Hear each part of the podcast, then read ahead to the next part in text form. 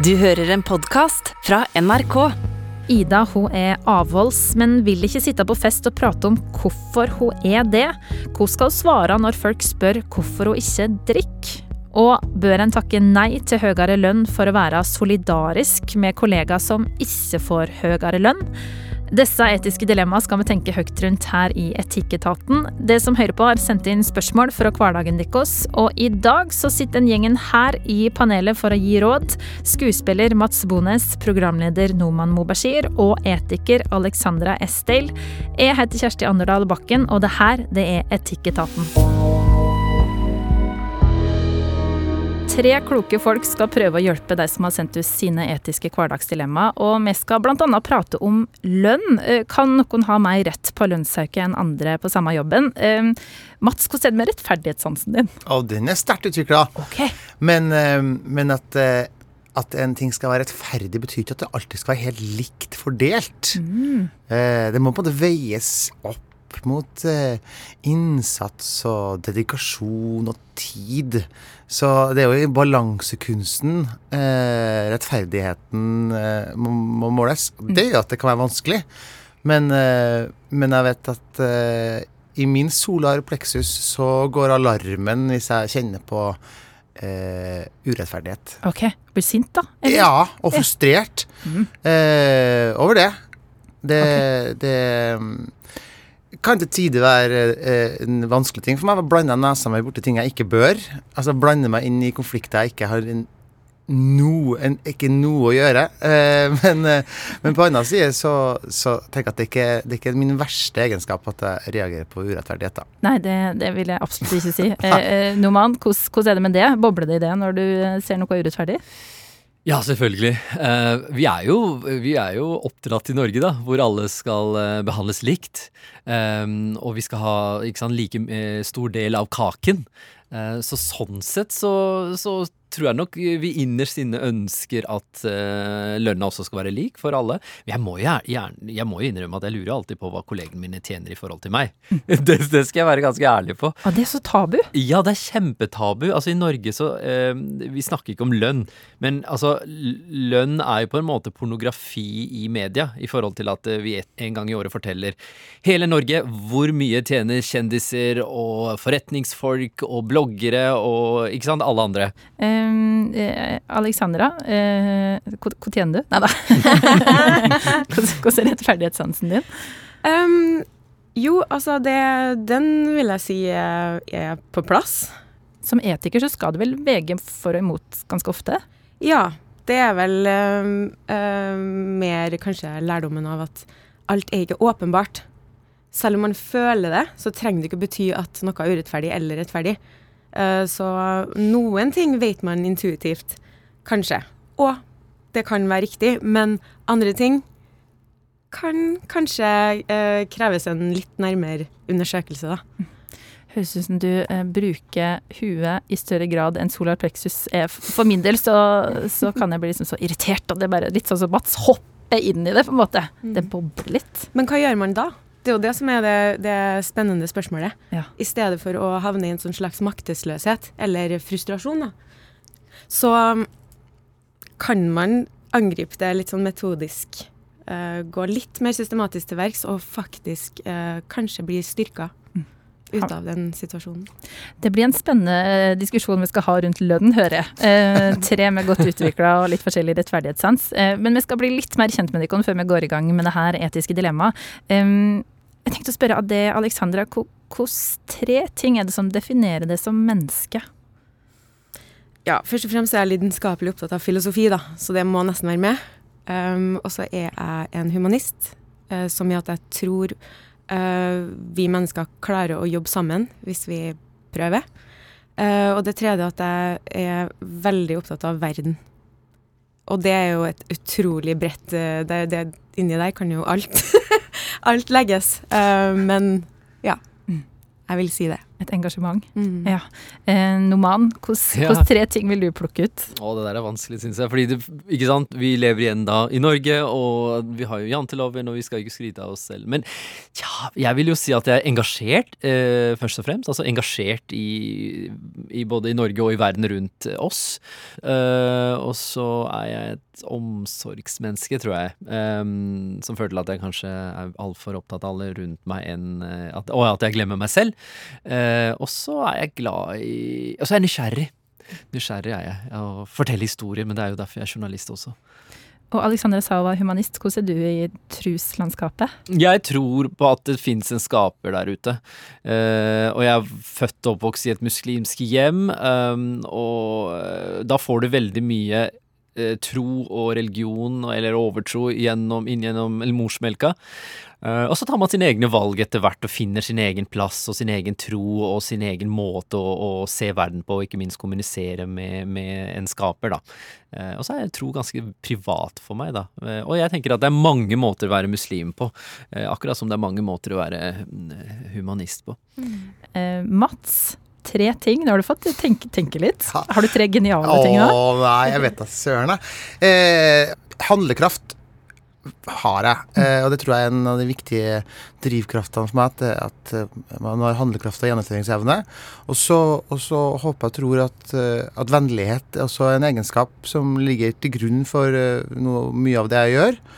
Og kanskje skamløshet. Og det betyr ikke at jeg nødvendigvis ikke kjenner på skam. Det tror jeg, eller det vet jeg at jeg gjør, men eh, klarer å definere den skammen til noe jeg ikke skal forholde meg til. Altså Det er en slags energi som ligger der, litt på samme måte som nervøsitet før du skal gjøre noe. Ok, den er der, men det må du bruke som en eh, energi. Når du gjør noen ting som, som du kanskje har frykta, som kanskje er, noe som overrasker, eller noe du ikke helt vet resultatet på forhånd, så, så kanskje kommer noe som, eh, som kan kjennes ut som skam, men bare la den være der. Og det tror jeg har, har gjort at jeg har våga en del, da, som kanskje burde holdt meg for god til å gjøre, eh, eller kanskje ikke. Nå har vi fått på plass at vi har en humanist, en eh, muslimsk bakgrunn. Hvor, hvor er du? Um, jeg, jeg, eh, når, når noen mann sa at jeg tror det er en skaper der ute, så, så er jeg veldig i tvil om hva jeg tror. Men jeg er helt sikker på hva jeg håper. Eh, og jeg håper at det finnes eh, noen, eller noe der ute, en eh, kraft som, som, som ligger der som vi ikke evner å se og forstå, og som gjør at det ikke ender når vi tror at slutten er der.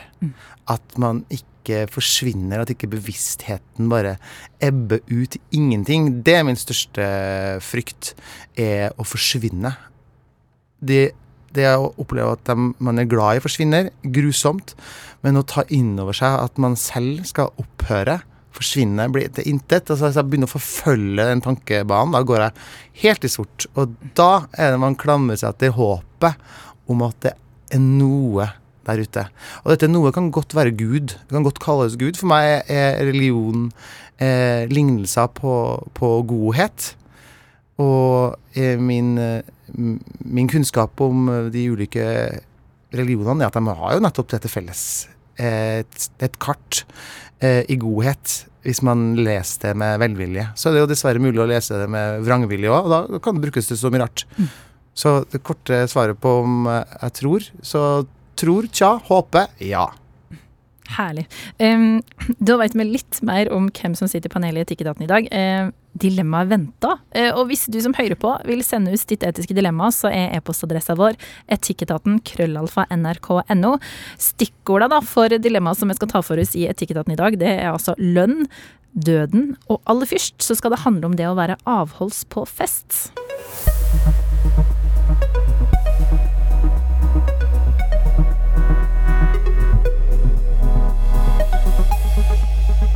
Noman Mobashir, Mats Bones og Alexandra Estel, nå skal dere få bistå Ida. Eh, hun skriver det her til oss. Hei, jeg er 37 år gammel og er avholds, eller nykterist, som jeg kaller meg sjøl. Valget om å slutte å drikke var tatt rett og slett fordi jeg drakk for masse, og fordi jeg går på noen medisiner som går dårlig overens med alkohol. Medisinene går jeg på pga. psykisk sykdom. Jeg ønsker ikke å skjule at jeg ikke drikker, da det vil bygge opp under skammen. Jeg vil heller ikke fortelle hvorfor jeg er avholds. Kan jeg da svare, hva kan jeg da svare når jeg blir spurt om hvorfor jeg ikke drikker alkohol? Jeg er gjerne med på festen, men drikk da alkoholfritt. Helsing Ida. Jeg er så glad i den siste setningen du skriver der, Ida. Du er gjerne med på festen. Mm. Det, er ikke, det er ikke der det ligger. Um, er det noen her som har vært edru på fest og kjent på noe av det samme som Ida kjenner på? Definitivt. Ja. Mange ganger. Fortell, noe Noman, hvordan, hvordan er det? Jeg har jo um, muslimsk bakgrunn og har vokst opp i et hjem hvor alkohol var haram, fy-fy. Uh, og jeg holdt meg unna alkohol helt til jeg var ja, 20 år, før jeg første gang prøvesmakte alkohol. Så jeg gikk gjennom russetiden og så mine venner være superfulle. Eh, så jeg vet hvordan det er å være på begge sider, for jeg har også eh, eh, drukket alkohol. Jeg har festet og vært eh, superfull. Um, og i dag så vil jeg ikke si at jeg er avholds, men jeg drikker jo nesten aldri. Um, Men liker å være på fest, eller? jeg liker å være på fest, men jeg liker å være på en fest hvor folk har tatt ett eller to glass, og ikke mer enn det. Og grunnen er rett og slett at eh, alkohol er den hellige kua i Norge, pleier jeg å si litt sånn eh, humoristisk. Det vil da si at eh, jeg mener generelt at altfor mange i Norge drikker altfor mye. Eh, og alt er lov på fest, eh, og da plutselig så gjelder det helt andre regler. Og de som ikke drikker, blir sett på som en trussel. Ofte. Eh, det har jeg opplevd veldig mange ganger, derfor så tør jeg å hevde det også. Eh, fordi at hvis du ikke drikker, og i hvert fall hvis ikke du har muslimsk bakgrunn, og du er norsk, blåøyd, blond, og har en vanlig kulturell kristen bakgrunn, så er du en trussel eh, ved å ikke drikke. Det har jeg lagt merke til. Jeg kommer meg mye lettere unna ved å si at nei, men du, jeg er jo muslim, eller jeg drikker ikke fordi jeg har muslimsk bakgrunn. Da er det sånn, ok, ja, men de er jo litt sånn annerledes, så det er greit. Men hvis du heter Ola og ikke drikker, da, da sliter du. eh, og jeg tror en av grunnene er at alle de som da drikker og koser seg og kanskje går over de grensene som man vanligvis aldri går over i, eh, på en måte i hverdagen på en arbeidsplass, men når det er julebord, så er det lov, de ser på deg som en trussel. Fordi du følger med, du ser alt, fordi du er edru. Og da er det litt vanskelig å møtes igjen på mandag og se hverandre i øynene. Eh, så, så du kan si at det der dilemmaet til Ida Jeg skjønner det veldig godt, fordi at hun kommer til å få mange av de blikkene. Hun kan bli ansett som en trussel, og hun har heller ikke lyst til å si hvorfor hun ikke drikker, fordi det er litt skambelagt. Eh, Alexandra, du kan ikke skylde på noe muslimsk bakgrunn. Hvilken unnskyldning har du brukt når du ikke har drikke? Um, det har vært flere ting. Jeg har vært uh, gravid uh, et par ganger. Det er god grunn. ja. Men kanskje ikke når en vil skjule det, da. Da er det jo vanskelig. Da er det vanskelig. Um, jeg tenker Sannheten har alltid vært eh, en option for meg, da. Um, men for Ida her så skjønner jeg at det kan være litt vanskelig, fordi hun har jo noen medisinske grunner til å um, Ja, som hun kanskje syns er vanskelig å snakke om. Men sannheten er jo noe folk ofte blir veldig fort vant til.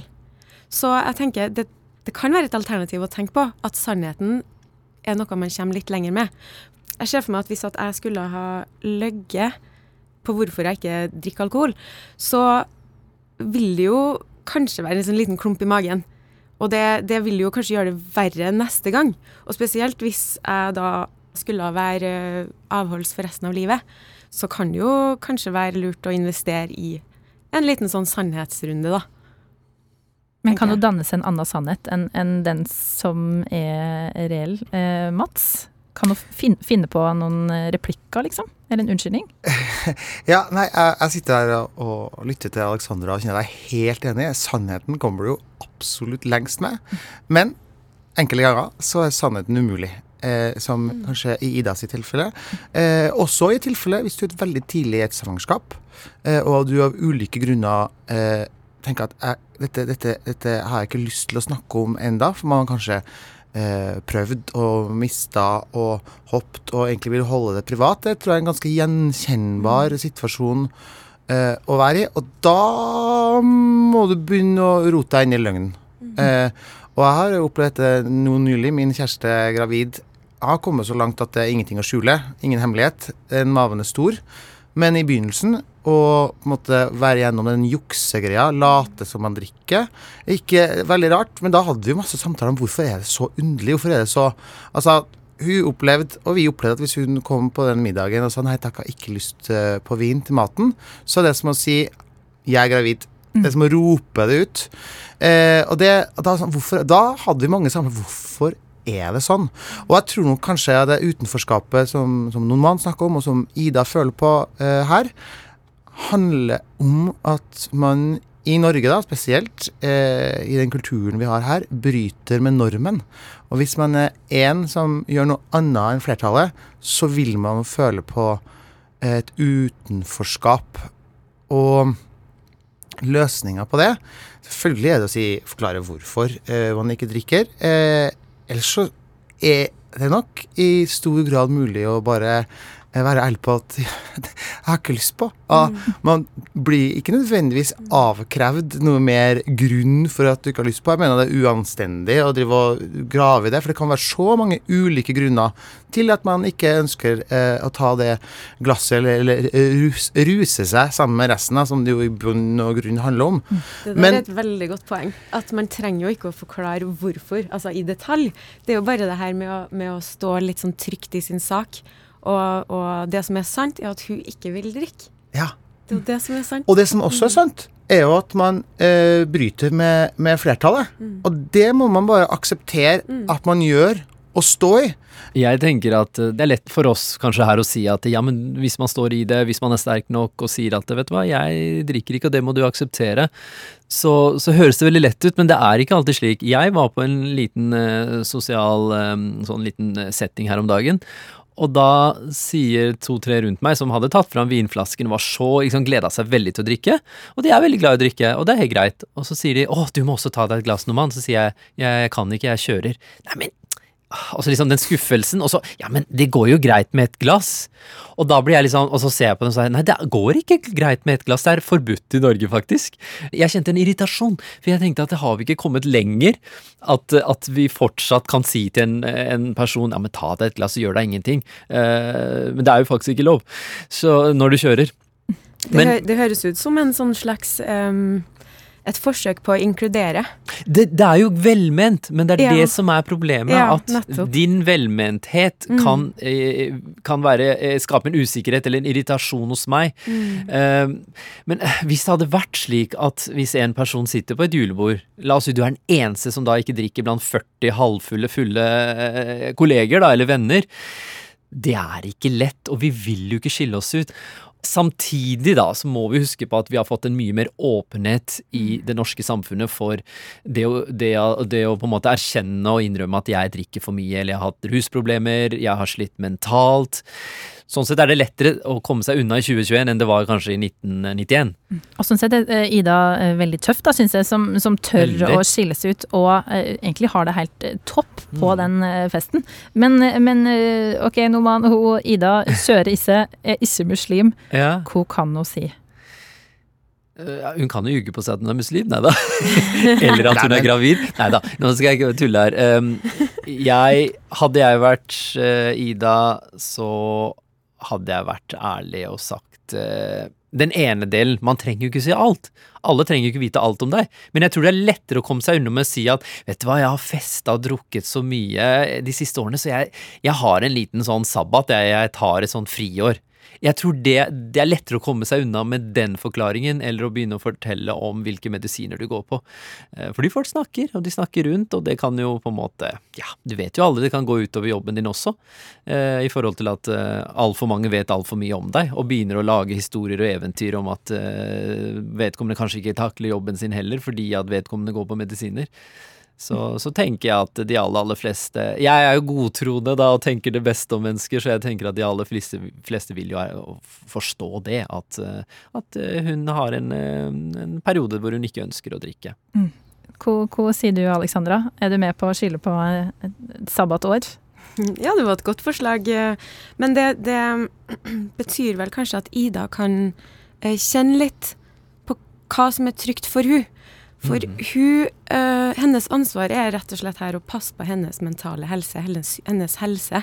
Det er viktigere ting som står på spill her enn hva som blir sagt på en fest. For hun så høres det veldig viktig ut at hun verner om sin, sin psykiske helse. Uh, samtidig som at hun uh, føler at det er trygt nok å delta. Og en løsning der kan jo kanskje være at hun velger litt med omhu dem hun drar på fest med. At dem hun rett og slett fester med, er dem som hun er trygg på, og uh, som hun føler hun kanskje kan si eller ikke si, og så er det OK. Um, så det er kanskje der uh, Ida kan ta et, en liten runde da, med seg sjøl.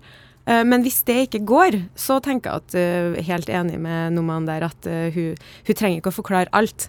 Så hvis hun er på en fest med folk hun kanskje ikke kjenner så godt, så uh, skylder hun ikke noen å begynne å legge ut om hennes psykiske helse. Det er hennes um, Det er opp til hun hva hun vil si. Um, men at hun selvfølgelig kan være med på festen likevel, da. Uh, Ida, det er jo eh, trist at det her er et problem i det hele tatt, å være Mm. avholds på fest. Det beste hadde jo vært at eh, det var helt greit at noen drakk alkohol, og noen drakk eh, kaffe. Men når du nå er på fest da, uten å drikke, noe som vi digger at du gjør, så er tipsa herifra å, å være så ærlig du vil. Eh, og det er jo ikke ljug å si at eh, du, jeg har ikke lyst på, som Mats eh, foreslo at du kunne gjøre. Eller jeg har festa fra meg, jeg tar, tar det litt rolig. Eh, eh, takk for gode råd fra Etikketaten-gjengen her. Og så, Ida, til slutt. Det viktigste er at du passer på deg sjøl og, og din psykiske helse. Og så håper vi du får mange gode fester.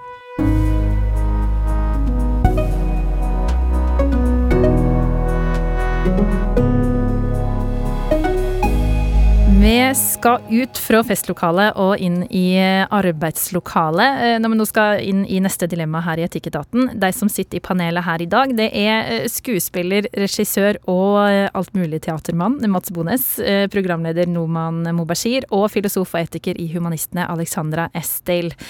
Her er eh, dilemmaet fra Jan Olav. Hei, jeg har fått tilbud om høyere lønn. Hurra, skriver han til Etikketaten, krøllalfa nrk.no. Jeg jobber på en arbeidsplass med om lag 20 tilsatte, og budsjettet er nokså trangt. Grunnen til at jeg ba om høyere lønn, er at jeg har rykka opp og har nå mer ansvar enn jeg har hatt tidligere. Men den nye stillinga har òg gjort at jeg har fått innsyn i firmaet sitt budsjett, og jeg ser at min lønnsauke tar mesteparten av lønnsaukepotten. Så hva skal jeg nå gjøre? Jeg klarte meg jo helt fint med lønna jeg hadde før, men samtidig så skal jeg jo få mer ansvar i den nye stillinga. Bør jeg takke nei, sånn at potten heller kan fordeles på alle?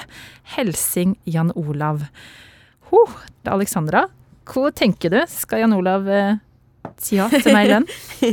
Um, Jan Olav får jo mer ansvar på jobb. Uh, det virker sånn, eh, uten å vite så mye rundt situasjonen, så virker det veldig merkelig om han skal gjøre mange ting uh, som er kanskje mer enn det han har gjort før, uh, og mer enn det de andre gjør, uten å få mer lønn. Det virker ikke helt riktig. Han har jo antageligvis samme arbeidstid, da. Kan jo anta at det er en åtte til fire-arbeider uansett. Det kan godt være at han har, men hvis han får mer ansvar, så går det jo ofte litt utover den tida uansett. Eh, pluss at det er en annen type uh, innstilling man må ha til jobben. da. Og det å ha lederansvar, hvis det er det han får, da. Uh, men så tenker jeg jo at det er jo også litt Man må jo også ha litt tillit til sine overordnede her. At her er det jo noen som har godkjent det, og det kan være at de ser på Jan Olav det blir veldig mye spekulering her da, men at de ser på Jan Olav som en helt essensiell del for å drive eh, virksomheten videre. I det at den får en høyere lønn og mer ansvar, eh, kan gjøre at bedriften går mye, mye bedre. Så vil det jo gagne alle sammen. Mats, du skal jo bli eh, teatersjef og få folk under det. Bør du tjene mest? Jeg tror at eh, eh, å ta ansvar, ha et lederansvar, må belønnes. og Det må være en gulrot der. Eh, jeg tror alle som har prøvd å være leder, kjenner på den utfordringa det er. Og én ting er at du kan være leder innenfor eh, åtte til fire. Eh, men den byrde, byrden det ligger i å, å, å måtte skulle lede i gjerne riktig retning, det, det, er krevende. Og vi trenger ledere i, i samfunnet vårt. Så, så, jeg har eh, null tro på at det bør gå på uh, rundgang i en uh, flat struktur. Så hvis det, hvis det er lederansvar eh, Jan Olav har fått, så syns jeg han skal ta imot den eh, ekstra potten med penger med eh, stolthet, raushet og glede, og prøve å gjøre en så best mulig jobb som mulig. Mm. Um, tenker jeg. Og, og sånn, sånn, er det jo hvis vi, hvis vi, ikke klarer å anerkjenne at lønn for strev mm. er på en måte byttehandelen vi driver med. Eh, min innsats eh, måler Vi har laga et system som når det fungerer, sannsynligvis kan fungere veldig godt. Så det er mulighet til å ut, utnytte det, og det kan også være urettferdig. Men så, så lenge man kjenner at det, min innsats står i forhold til hva jeg sitter igjen med, og alle er enige om det, og alle ser det, så, så, så glir det ganske godt. Og de bedriftene som klarer det, har jo lite misunnelse. Mm. Eh, men i det øyeblikket det der begynner, altså så får du på en måte eh, en, en, mer ansvar, men så tar du kanskje ikke ansvar nok likevel, da begynner det å murre.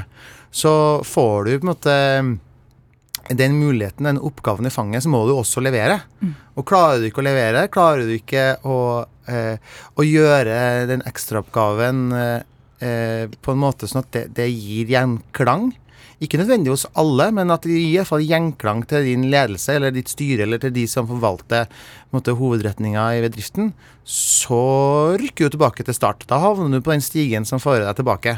Mm. Så, så, så, jeg tror nok det kokende da, for, for Jan Olavs del er å kjenne på Er dette ekstraansvaret et reelt ekstraansvar?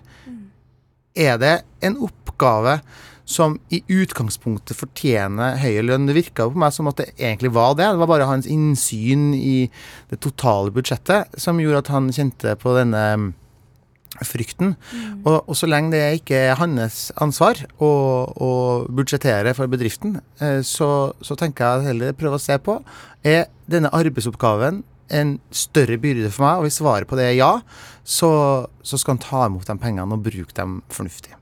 Hvis det kommer en nyhetssak om at eh, en leder har økt lønna si med 100 000, mens det blir kutta på gulvet, så kjenner jeg avstand til den lederen. Det mm. føler jeg usolidarisk. Eh, eh Noman, hva yeah. tenker du? Det, eh, kan det være noe usolidarisk i å ta imot eh, eh, høyere lønn, eller er det helt greit? Det virker som at eh, Jan Olav er et veldig godt menneske. Uh, at han i det hele tatt uh, ser på dette som et dilemma. At han får lønnsøkning, mens firmaet kanskje ikke har det beste og største budsjettet. Og de andre ikke har fått lønnsøkning. Det er, det, er, en god egenskap. Du har et godt hjerte. Samtidig lurer jeg på hvor Jan Olav jobber, hvor mye han tjener, og hvor mye tjener de andre. Jeg Eh, eller hvordan skal jeg si det her? Min samboer mener at jeg tjener for dårlig. Eh, det har han sagt i, han sagt i mange år. Eh, og syns at liksom jeg jobber veldig mye og gjør veldig mye, men tjener ikke så mye. Og han tjener veldig godt. Og jeg tenker jo av og til på hvorfor tjener han så mye penger i forhold til meg. Men igjen, da. Jeg har jo en søster som er lærer, som tjener mindre enn meg. Uh, er det rettferdig? Nei, jeg syns hun gjør en mye større jobb enn meg og har mye mer ansvarsfull jobb enn meg. Så alt dette her er jo en, sant, et definisjonsspørsmål på hvor mye skal en leder i en, eh, et uh, stort privat selskap tjene, hvor mye skal en statsansatt i NRK tjene, hvor mye skal en sykepleier, en lærer tjene, som tjener veldig dårlig, syns jeg, da, i forhold til veldig mange andre i samfunnet. Jeg tenker at hvis Jan Olav, du Eh, er et menneske som får fort dårlig samvittighet, som tenker eh, veldig mye på menneskene rundt deg, og, og syns dette her er vanskelig, så hadde jeg snakket med sjefen om om dette er lurt for meg å få den lønnsøkningen.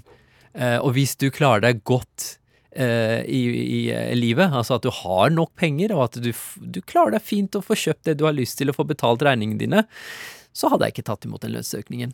Men hvis faktisk du sliter med å betale regninger, eller at du ønsker, ønsker å kjøpe en ny bil, da, for eksempel, og, men ikke kan gjøre det med den gamle lønna, og syns at det er greit at du tjener litt mer, eh, og ikke har, på en måte, har noen kvaler eller på en måte problemer med det, så, så hadde jeg tatt mot de pengene. Eh, Hvis han eh, sier ja til denne lønna, da, det er jo flertall for det her i eh, Etikkråden foreløpig i hvert fall, hvis ikke de kan endre mening nå når Noman har hatt en veldig veldig god tale. Eh, skal han reinvaske seg ved å kjøpe noe ekstra til gjengen på gulvet, eller? Nei, jeg, jeg, vet du hva, det her, er, det her er i kjernen av problemet. Det her er egentlig et strukturelt problem. Det er jo egentlig ikke Jan Olav sitt ansvar å sørge for at alle ansatte har det de trenger. Men han med det nye ansvaret, ehm, eller det de fortjener, da, men det, nå når han har den altså, kanskje fått til, innsyn og tilgang til å kunne ta større beslutninger, så kanskje han kan bruke eh, sin eh, posisjon til å jobbe fram bedre eh, vilkår for eh, sine kollegaer. Han høres ut som en veldig samvittighetsfull type, eh, og det er kjempebra. Sånne ledere trenger vi. Eh, så, så ja. Jeg er 100 enig i det her jeg sitter. Altså, han skal si ja til de, eh, den økninga. Altså 100 Og det, på ingen måte skal han ut og kjøpe kake til resten for å eh, renvaske seg sjøl. Eneste han skal gjøre, er å bruke den økninga som en kjempemotivasjon til å gjøre en bedre jobb, som da på alle sett og vis vil gagne alle.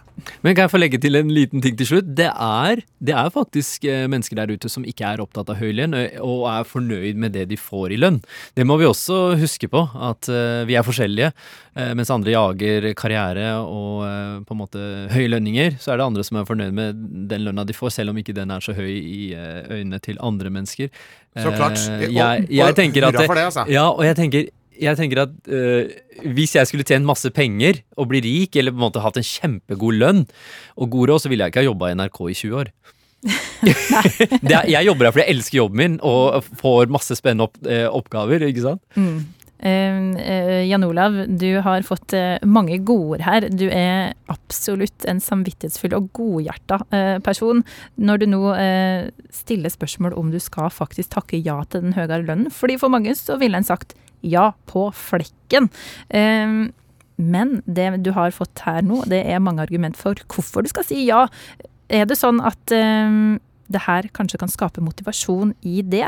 Det er antageligvis det som er grunnen til at jobben i hvert fall tilbyr det høyere lønn. At det her skal være en drivkraft inn i den nye stillinga, sånn at det igjen gagner alle. Og hvis du velger å ta, eh, si ja, så kan du ta med deg eh, Mats sine ord om at eh, det her skal du ta imot med stolthet, raushet og glede, og se på det som en gulrot til å gjøre en helt rå jobb eh, i den nye stillinga di. Og så kan du også bruke denne tida til å reflektere litt rundt hvor viktig er denne eh, pengepotten eh, for meg?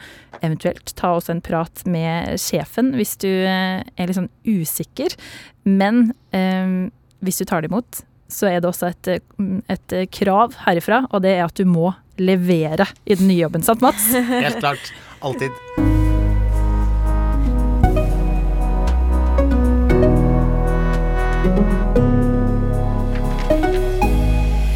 Vi skal eh, flytte blikket fra innboksen over på denne nydelige hellige gralen vår, som betyr til hvor gang med i Tikketaten skal bli litt mer kjent med deg som er her. Eh, Her er det også eh, en del spørsmål som eh, vi ikke veit hva er. De kun veit ikke heller, så her blir det litt sånn spontant eh, svar.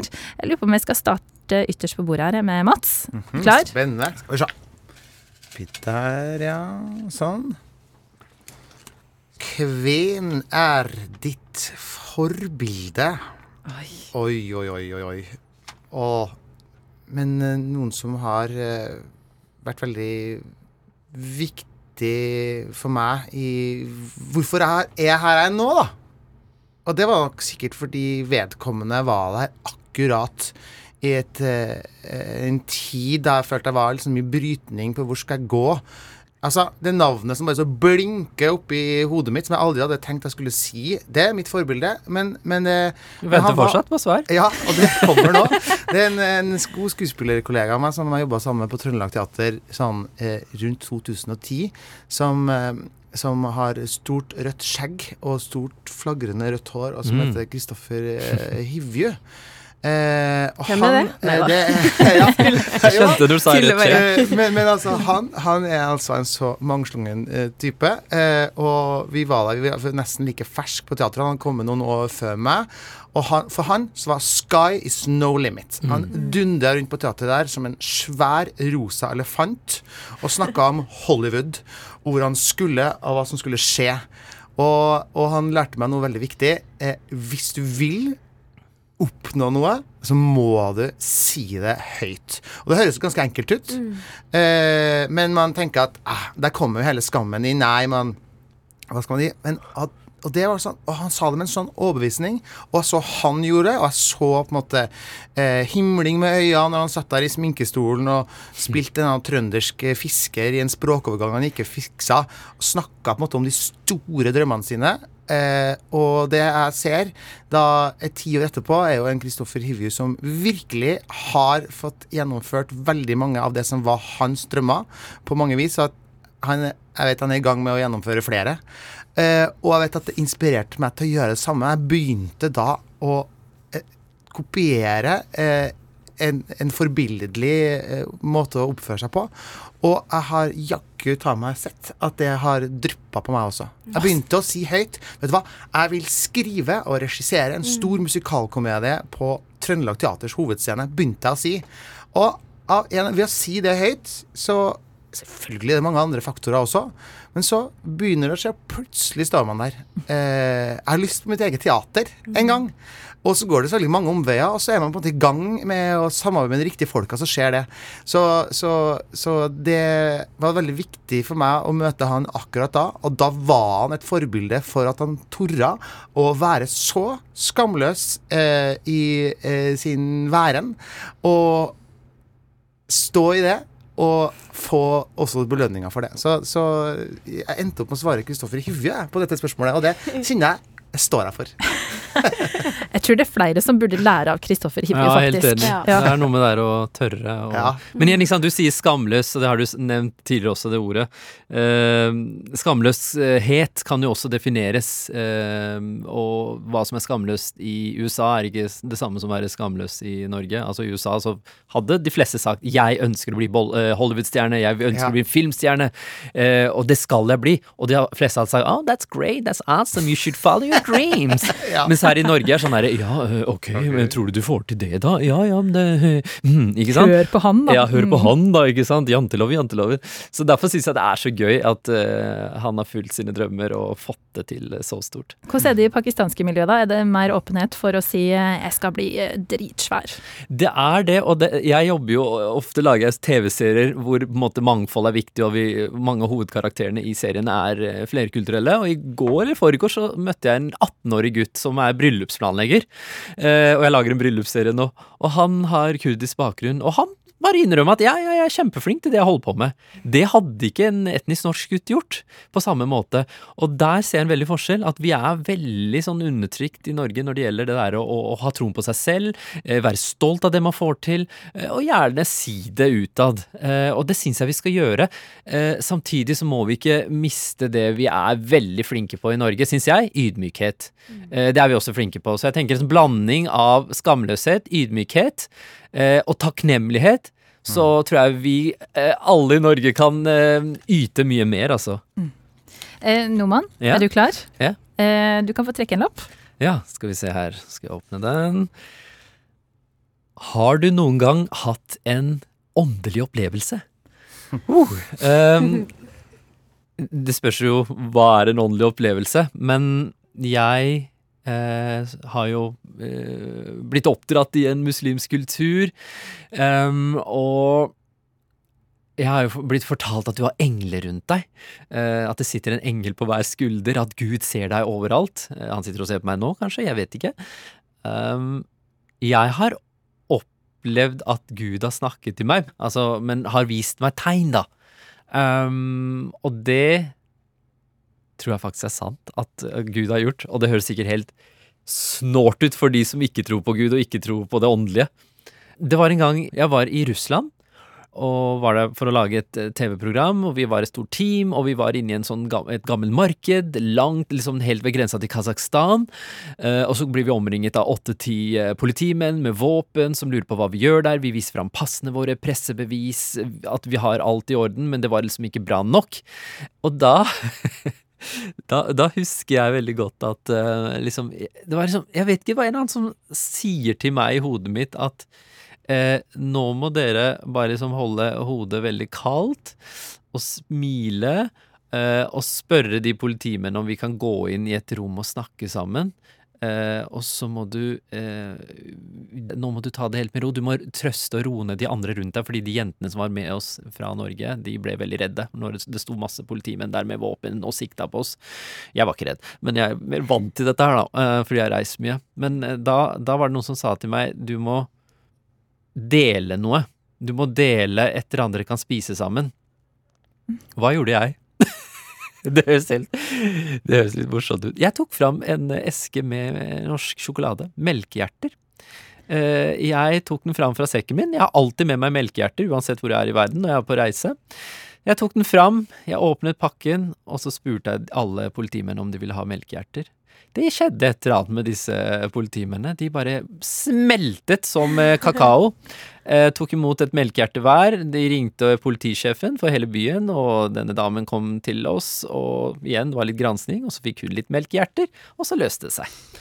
Fantastisk. Noen ville jo kalt dette korrupsjon, men jeg ville kalt det god, gammeldags norsk smøring. Med en tvist av en åndelig opplevelse. Fantastisk, så gøy. Ja. Eh, noen ville jo kanskje kalt det magefølelse, da. Ja, kanskje magefølelse. Men det er det jeg sier, ikke sant? Altså, Noen mener jo at det er magefølelsen, andre ville ha kalt det en uh, åndelig veiledning. Så mm, kanskje det er magefølelsen. Men hvor kommer magefølelsen fra? Ikke sant? Det er jo det, det der ånden kommer inn, tenker jeg. Ja, det er, det er underlig at vi kaller det magefølelse uh, i sekulære Norge. Uh, men kanskje det er noe annet. Jeg vet ikke. Noen vil kanskje kalle det fornuften også. Det, noen vil ha kalt det fornuften òg. Og så kan man lure på hvor følelser. fornuften kommer fra. Ja. Kommer den innenfra, utenfra, eller kommer den fra begge steder? Og en ting er sikkert, ta med mjølkehjerter når du skal i litt sånn lugubre strøk. Fordi Gjør det kan det. alltids eh, slå godt ut. Ja. Ja. Veldig fint. Eh, Alexandra, klar? Oi. eh, hva angrer du på? Hva jeg angrer på, ja? Hva Her er det brutalt ærlig spørsmål. Ja, det er kjempebra spørsmål. Jeg forsøker å ikke angre på så mye.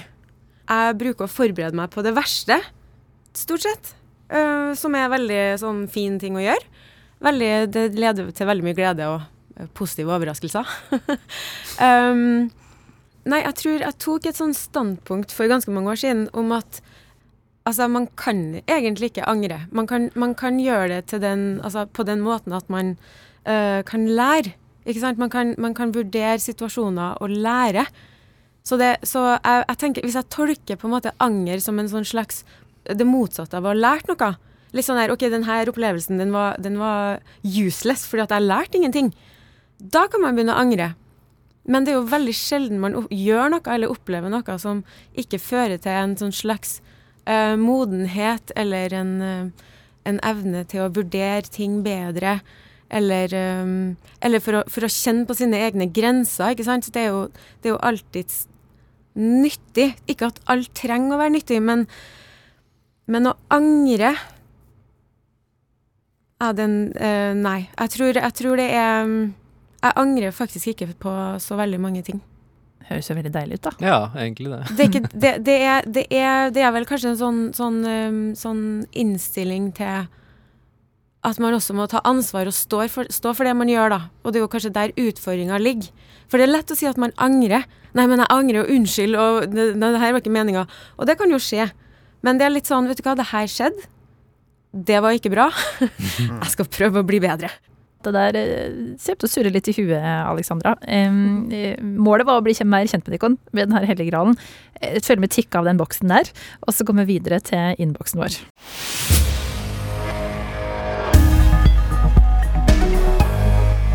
Nå så skal vi inn i eh, et dilemma om barn. Eh, Jeg tenkte bare vi skulle ta en liten runde her nå. Har det barn i livet deres? Vi har hørt Mats, det, det er på gang. Ja, jeg venter mitt første. Fantastisk. Ja, og det, det er vidunderlig. Eh, altså underlig i vid forstand. Virkelig. Jeg klarer ikke å forstå det. Det er veldig vanlig å lage barn, vet jeg. Eh, og jeg har jo sett det blitt gjort. Altså ikke sånn blitt gjort, men jeg har opplevd at det kommer barn. Eh, men aldri eh, så tett på, selvfølgelig. Så det, jeg bruker tid på å forstå det. Og kjæresten min er skuespiller og ute på turné. Eh, og så, så, så min daglige kontakt med at denne magen vokser, er gjennom eh, skjerm. Oi. Så Nei, vi kommer halvveis. Vi vet jo at det, det er noe av det øh, farligste en kvinne gjør, er å bringe barn til verden. Så vi har skjønt at øh, herfra starter bekymringene, og de varer nok livet ut. Fordi det er mye å bekymre seg for. Men det er mye å glede seg over også. Så nei, jeg er veldig, veldig, veldig opptatt av det og spent på hva som ligger foran. Åh, for en fin plass å være. Eh, Alexandra, eh, har du barn? Jeg har barn. Jeg har uh, to barn. Alder på deg, da? Eh, Seks år og 14 år. Mm. Og Noman, du har nevnt at du har, eh, har, har noen unger som du har Ja. blant annet kjørt til skolen i dag. Ja, jeg har mm. to eh, De er bonusbarn, men jeg, jeg bruker ikke ordet bonus, for det høres så sånn eh, distansert ut. Det er barna mine, og de er snart 13 år. De har bursdag neste uke, så da blir de tenåringer, så jeg gruer meg. og gleder meg litt. Tvillinger. De er tvillinger. Det er en gutt og en jente. Oi, ok. Og, ja, og vi snakker litt om dilemmaene faktisk i bilen også, som jeg skulle snakke om på radio. Fordi jeg er alltid nysgjerrig på hva jeg skal gjøre, for de syns jeg har så innmari spennende jobb. Da er jeg spent på om de har noen innspill på det vi nå skal inn i. Ja. Um, I Etikketaten i dag så er programleder Noman Mobashir, filosof i Humanistene Alexandra Estel og teatermann eh, Mats Bones. Det skal altså handle om døden, og det her er dilemma som vi har fått til oss. Hei, jeg er en småbarnspappa som har havna i et dilemma når det gjelder dattera mi på fem. Hun har blitt veldig opptatt av døden, at dyr dør, planter, insekt og menneske.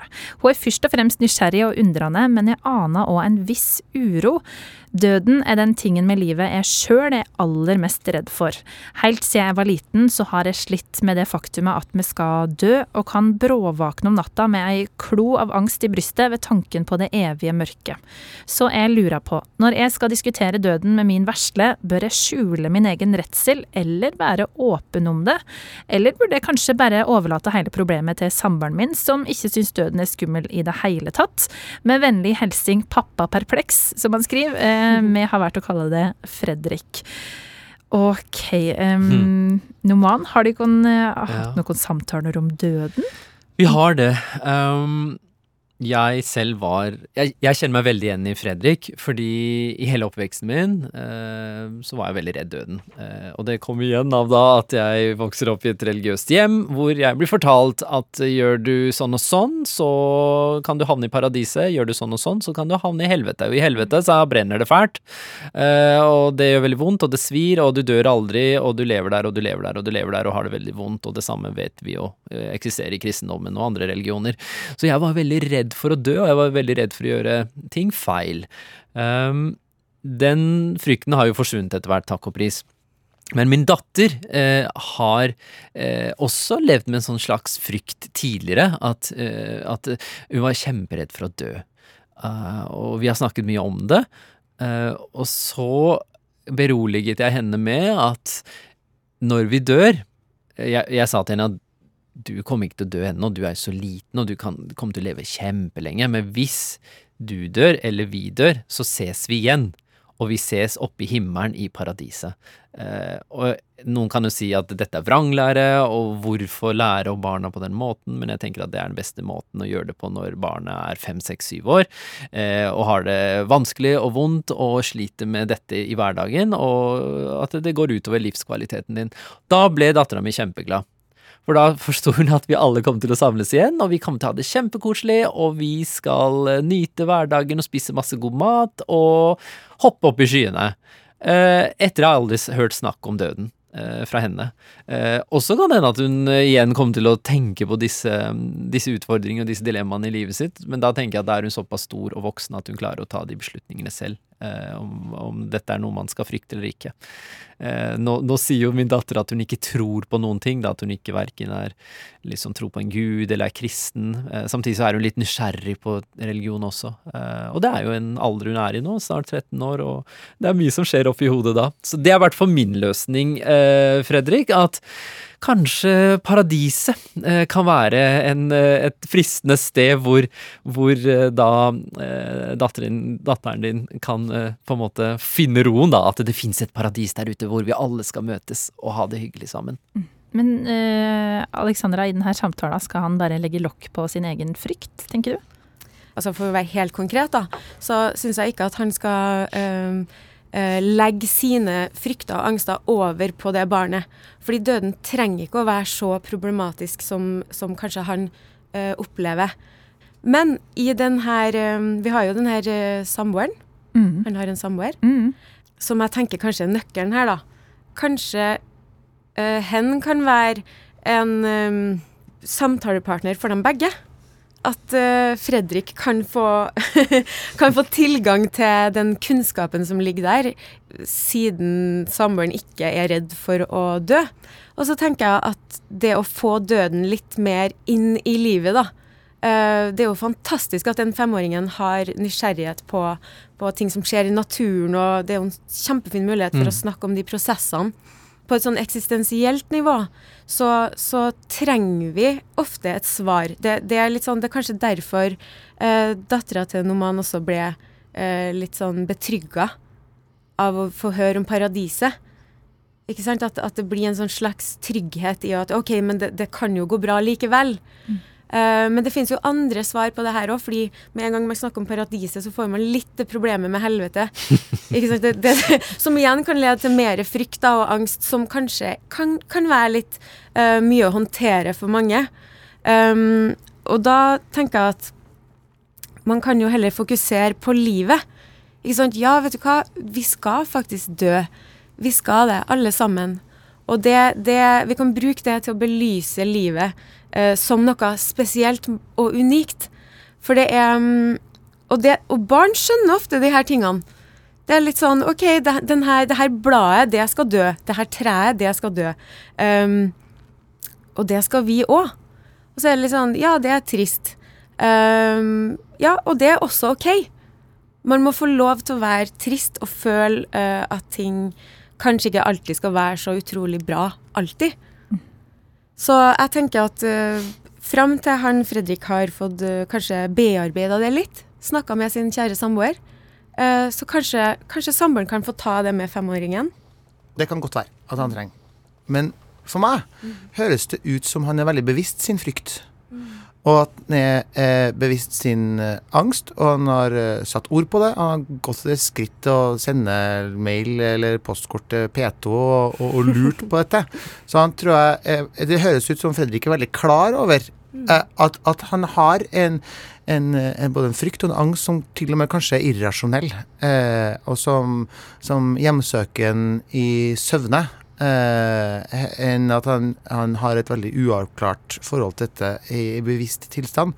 Så jeg gjetter jo på at eh, han kan være en ganske god samtalepartner med sin fem år gamle datter, nettopp fordi han ikke har lyst til å påføre smerte, men he, eh, snarere tvert imot eh, har lyst til å reflektere over dette underlige som døden er. Og det er jo det mennesker har drevet med fra tidenes morgen er jo å undre seg over hvor man drar etterpå.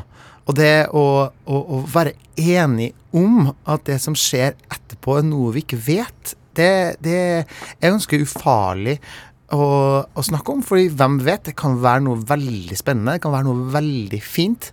Eh, det er i alle fall noe skikkelig underlig. Men hvilken effekt har det hvis han sier til dattera si eh, jeg er ganske redd for døden?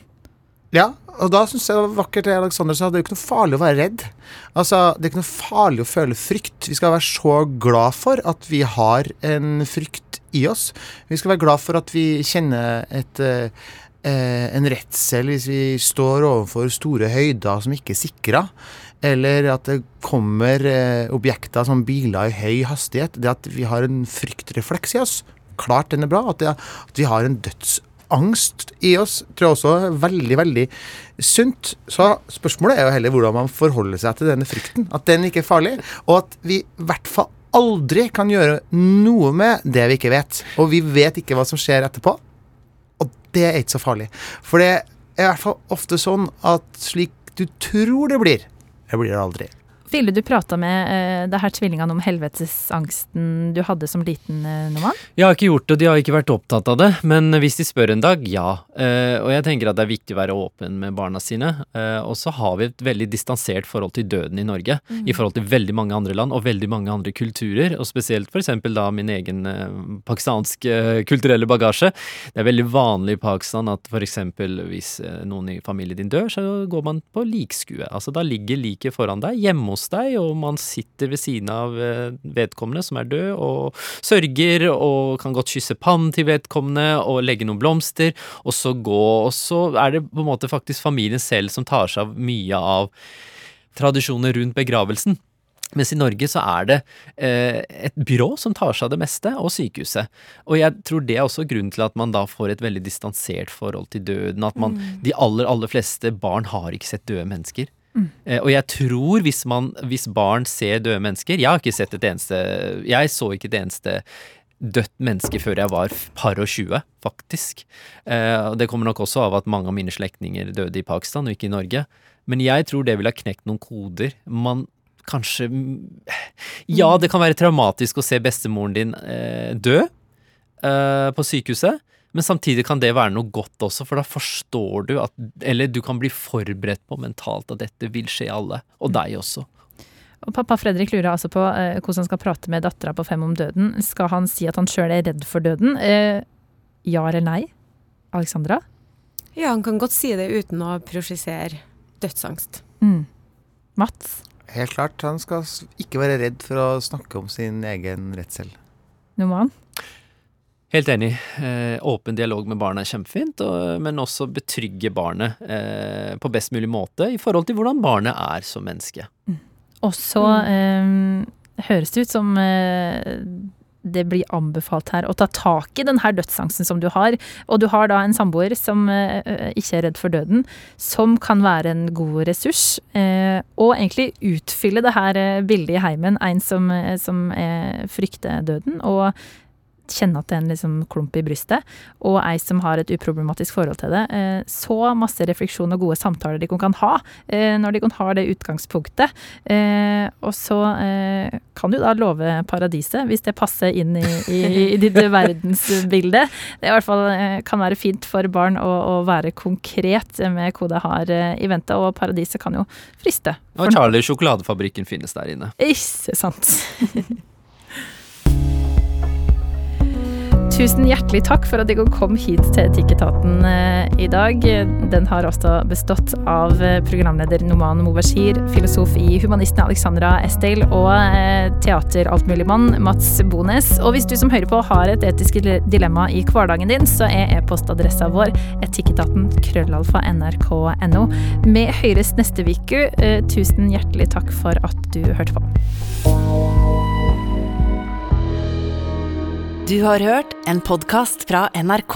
De nyeste episodene hører du først i appen NRK Radio. En podkast fra NRK. Hei, jeg heter Marie Hammerstrøm og er astrofysiker. Visste du at jorda kommer til å gå under en dag? Hva gjør vi da? Jeg heter Andreas Wahl.